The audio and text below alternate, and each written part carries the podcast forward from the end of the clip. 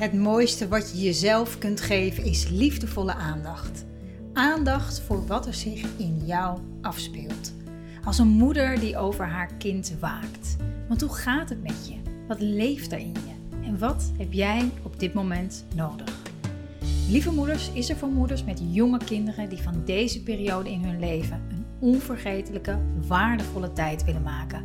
Waarin ze zich als vrouw en moeder persoonlijk ontwikkelt. En in deze podcast gaat het over achter de feiten aanlopen. En wat je kunt doen om dat gevoel voor goed kwijt te raken. Mijn naam is Marjolein Mennis en ik ondersteun moeders met jonge kinderen om het beste uit zichzelf en daarmee uit hun gezin te halen. Ik deel video's en blogs over het moederschap op onder andere YouTube, Instagram, Facebook en natuurlijk de Lieve Moeder podcast. Superleuk, lieve moeder, dat je weer luistert naar een nieuwe aflevering van de Lieve Moeder podcast, aflevering 31. Fijn, fijn dat je er bent. Ik haal meteen mijn neus op, lekker, uh, lekker fris. En in deze podcast wil ik het graag met je hebben over het achter de feiten aanlopen. En dat is wat ik vaak terug hoor van moeders, dat is waar het vaak over gaat. Ik, ik loop achter, ik voel me geleefd, ik loop continu achter de feiten aan. En als jij dat gevoel nu ook hebt, of wel eens hebt, of veel te vaak hebt, dan is deze podcast echt voor jou. Want we gaan eens kijken hoe dat komt. Niet zozeer hoe het komt dat je achter de feiten loopt, maar wat eronder zit, wat eronder schuilt. En natuurlijk wat je daarmee kan. Hoe je jezelf daaruit kan halen om te zorgen dat dat niet meer zo voelt, dat je dat niet meer zo ervaart. Want je kan geen ontspannen, ontspanning vinden als je het gevoel hebt dat je achter de feiten aanloopt. Je kan niet een voldaan leven leiden als je continu het gevoel hebt dat je achter de feiten aanloopt. En het is helemaal niet erg, dat zal jij hoogstwaarschijnlijk ook hebben, als je dat af en toe eens hebt.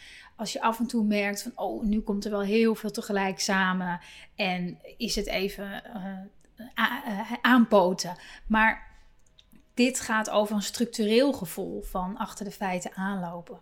En daar zit iets anders onder, wat belangrijk is om daar zicht op te krijgen, omdat je anders achter de feiten aan blijft lopen. De vraag is namelijk: wat zijn de feiten? Achter welke feiten loop je nou eigenlijk precies aan? En je kunt, om van dit gevoel af te komen, je kunt het op, op, op twee niveaus als het ware benaderen. Hè? Op, op intellectueel niveau in je hoofd, hè? Ehm, maar ook op gevoelsniveau. Je kunt oftewel een cursus time management gaan doen, wat lekker praktisch is en uh, hoe je alles, alle ballen hoog houdt, cursus of iets dergelijks. Of je kan stilstaan bij waar het gevoel nou eigenlijk werkelijk over gaat. Waar gaat het over? Achter welke feiten loop ik nu eigenlijk precies aan? En dan bedoel ik niet, ja, je moet dit nog doen en dat nog doen, en zus nog doen en zo nog doen.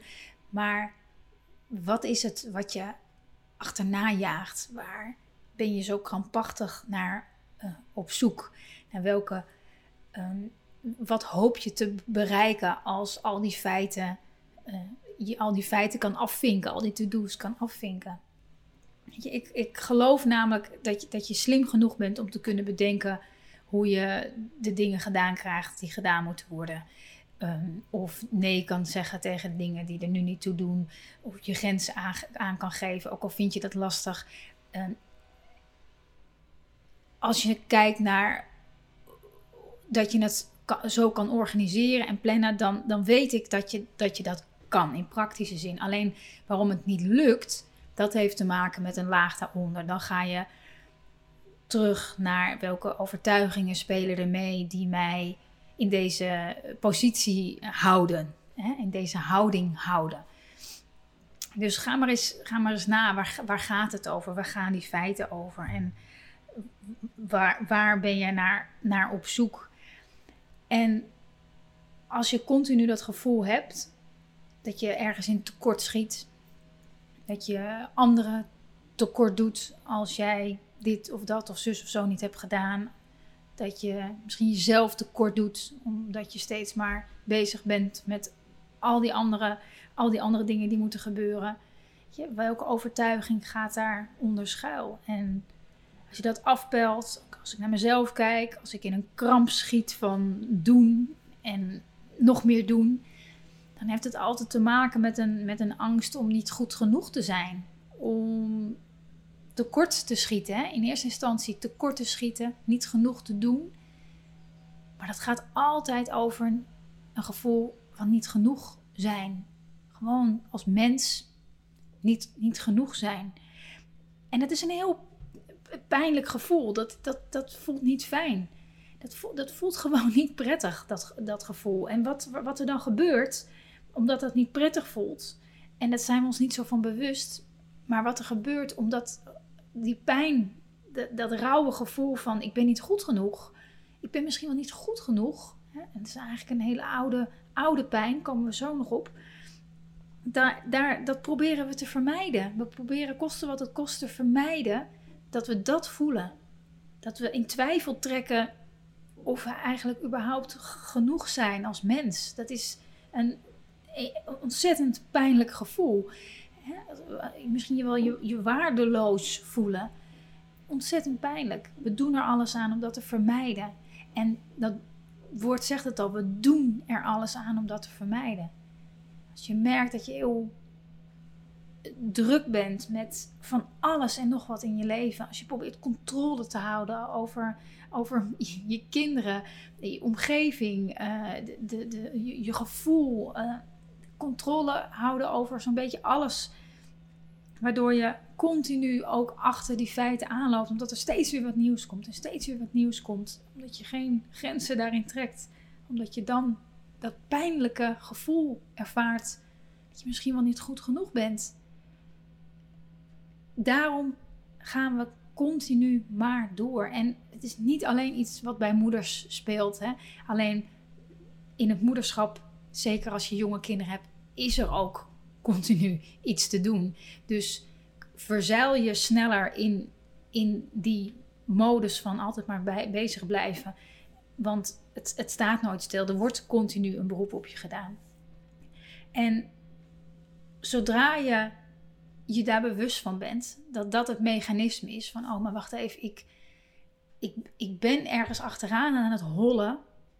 Niet letterlijk, maar figuurlijk.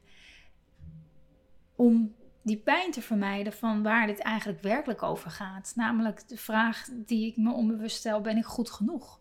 Ben ik goed genoeg? En de antwoord is uiteraard ja, je bent goed genoeg. Alleen waarom het vaak niet zo voelt. Waarom we vaak denken, ja, maar ik, ik ben pas goed genoeg als iedereen tevreden is. Want dat voelt gewoon fijn. Het voelt gewoon fijn als mijn kinderen oké zijn. Als mijn, mijn baas tevreden is. En uh, ik heb alles voor elkaar. Mijn huis is netjes. Dan voel ik me gewoon lekkerder. Ja, ja, dan voel je je lekkerder. Alleen als je daar afhankelijk van wordt. Als je afhankelijk wordt van het gevoel dat jou, hè, als je pas kan ontspannen als jouw omgeving oké is in, in alle opzichten. De mensen, de spullen.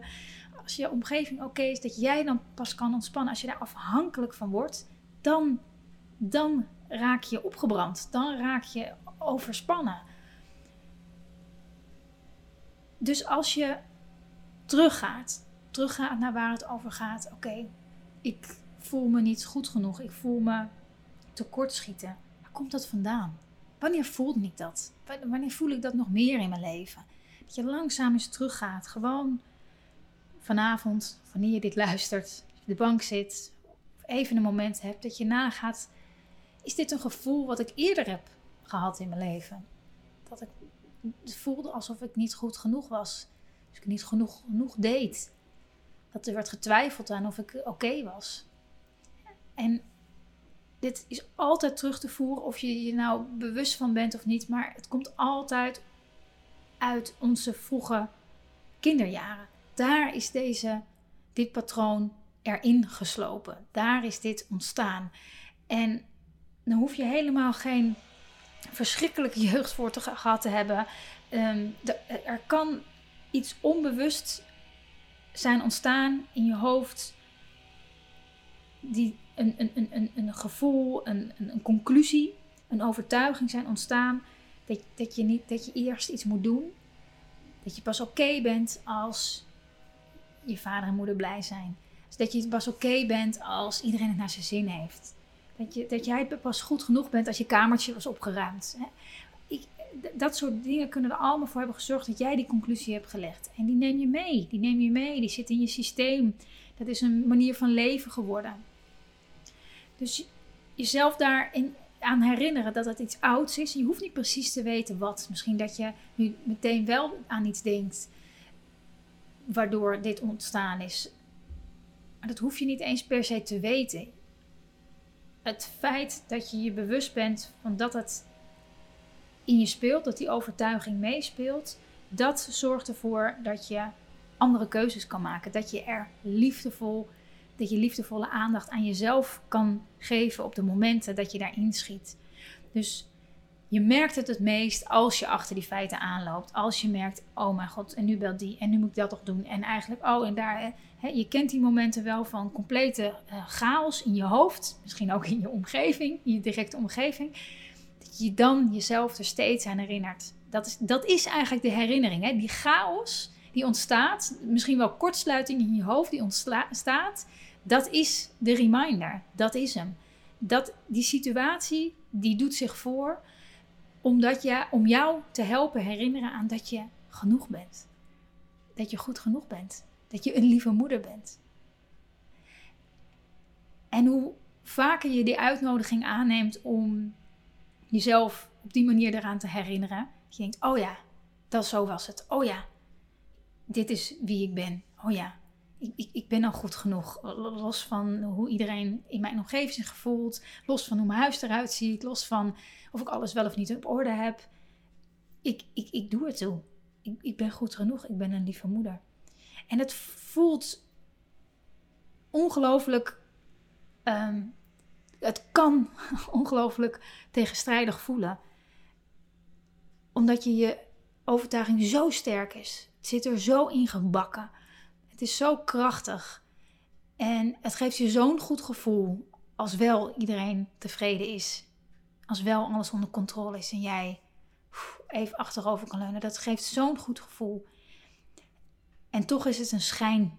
Is het schijngeluk? Is het schijnontspanning? Het is alles waar, waarvan je afhankelijk bent van je omgeving. Om, om jou om van binnen een goed gevoel te hebben. Is een illusie. Is een, is een, is een kaartenhuis wat ieder moment in elkaar kan, kan storten. En om dat fundament, je eigen fundament, stevig te maken dan dat doe je door jezelf steeds te herinneren. Oh ja, ik ben al goed genoeg. Oh ja, het, het doet er niet toe. Ik ben hier. En dat is een wonder op zich. Hoe vaker je dat doet, hoe vaker je dat traint, je zal merken dat het dan makkelijker is. Dat je sneller jezelf weer terug kan brengen naar eh, wie je bent, wie je wezenlijk bent. En dan gaan al die to-do's, al dat gejaagde gevoel, je, je gaat op een gegeven moment denk je: hey, ik, heb, ik heb dat veel minder vaak. Of hey, het duurt niet meer zo lang. Of hey, ik, ik merk dat ik, dat ik in, in dat soort crisis- en chaosmomenten veel makkelijker uh, kan ontspannen. Oké kan blijven of in het moment kan blijven. Het, het gebeurt niet op het een op het andere moment. Het gaat in, in elke situatie kan je ermee oefenen. Elke chaos, crisissituatie is weer een oefenmoment. En op een gegeven moment, na verloop van tijd, kijk je terug en denk je: hey, oh ja, wacht eens even, nu, nu, nu merk ik het. Nu merk ik het. Het is, een, het is een spier die je traint. Het is een overtuiging die zo ingebakken zit. En als iets ingebakken zit, het is als een aangekoekte koekenpan. Dat, dat, moet, dat gaat langzaam, dat moet je in laten weken met water. Dan moet je met, een, met, een, met, een, met iets, met een houten spatel, moet je dat hier en daar een beetje losduwen. En zo een gegeven moment, op een gegeven moment wordt, het, wordt, het, wordt het weer vrij, wordt, het, wordt die pan weer schoon, wordt het, wordt het anders. En vertrouw op dat proces, vertrouw erop. En je, gaat ook, je zal ook merken dat als je hier aandacht aan besteedt, dat, je, dat het in het begin, dat je heel bewust bent van hoe vaak je wel niet denkt dat je niet goed genoeg bent. En, en dat is niet per se de allertofste fase waar je doorheen gaat. je, dat is niet een. Ik, ik zal je geen gouden bergen beloven dat daarna direct alles beter wordt. Want je gaat, je gaat eerst door een fase van ja, laat ik het zo zeggen. Het klinkt wel heel uh, managementcursusachtig. Maar je wordt even bewust onbekwaam. In de zin, je, wordt, je realiseert je, je, je, je wordt je bewust van het feit hoe vaak je die gedachten wel niet hebt. Hoe vaak je zo kritisch op jezelf bent. Maar dat is wel de basis vanuit waar je verder komt. Want als je je daar niet bewust van bent, als je dat niet weet van jezelf, dan kan je daar ook geen andere keuzes in maken. Je kan er niet voor jezelf zijn, lief zijn voor jezelf, als je niet in de gaten hebt dat je eigenlijk op dat moment heel streng bent of heel erg twijfelt aan of je er überhaupt toe doet. Pas als je dat bewust van wordt, vanuit daar kan je er voor jezelf zijn. Vanuit daar, daar begint de groei. Daar begint je zelf ontwikkelen. Hè? Je die, die, die ui afpellen naar wie jij wees, kom er niet meer uit, naar wie jij wezenlijk bent. Daar begint het. Ga er maar eens mee oefenen. Gewoon op momenten dat je merkt, ik zit, ik, ik verkramp in alles wat moet. Ik, ik heb het gevoel continu achter de feiten aan te lopen. Oké, wat schuilt hieronder? Hoe kan ik er hierin echt voor mezelf zijn? Hoe kan ik mezelf er steeds weer aan herinneren dat ik goed genoeg ben? Dat ik een lieve moeder ben? Ga ermee aan de slag en kijk maar eens terug over een aantal weken hoe het dan zal gaan als je hier steeds aandacht aan blijft besteden. En ik ga je daarbij helpen. Dankjewel. Dankjewel voor het luisteren naar aflevering 31. En ik hoop dat je met de inzichten weer wat meer rust, wat meer ontspanning, wat meer voldoening vindt in je dagelijks leven met jonge kinderen. En ik zou het enorm waarderen als je me laat weten hoe deze aflevering voor je was. Je kunt het doen via je iPhone door via je podcast-app een recensie achter te laten of met je Android even naar Google lieve moeders intypen en dan kun je rechts in beeld een recensie achterlaten. Dat waardeer ik echt enorm. Heb het goed en tot de volgende aflevering.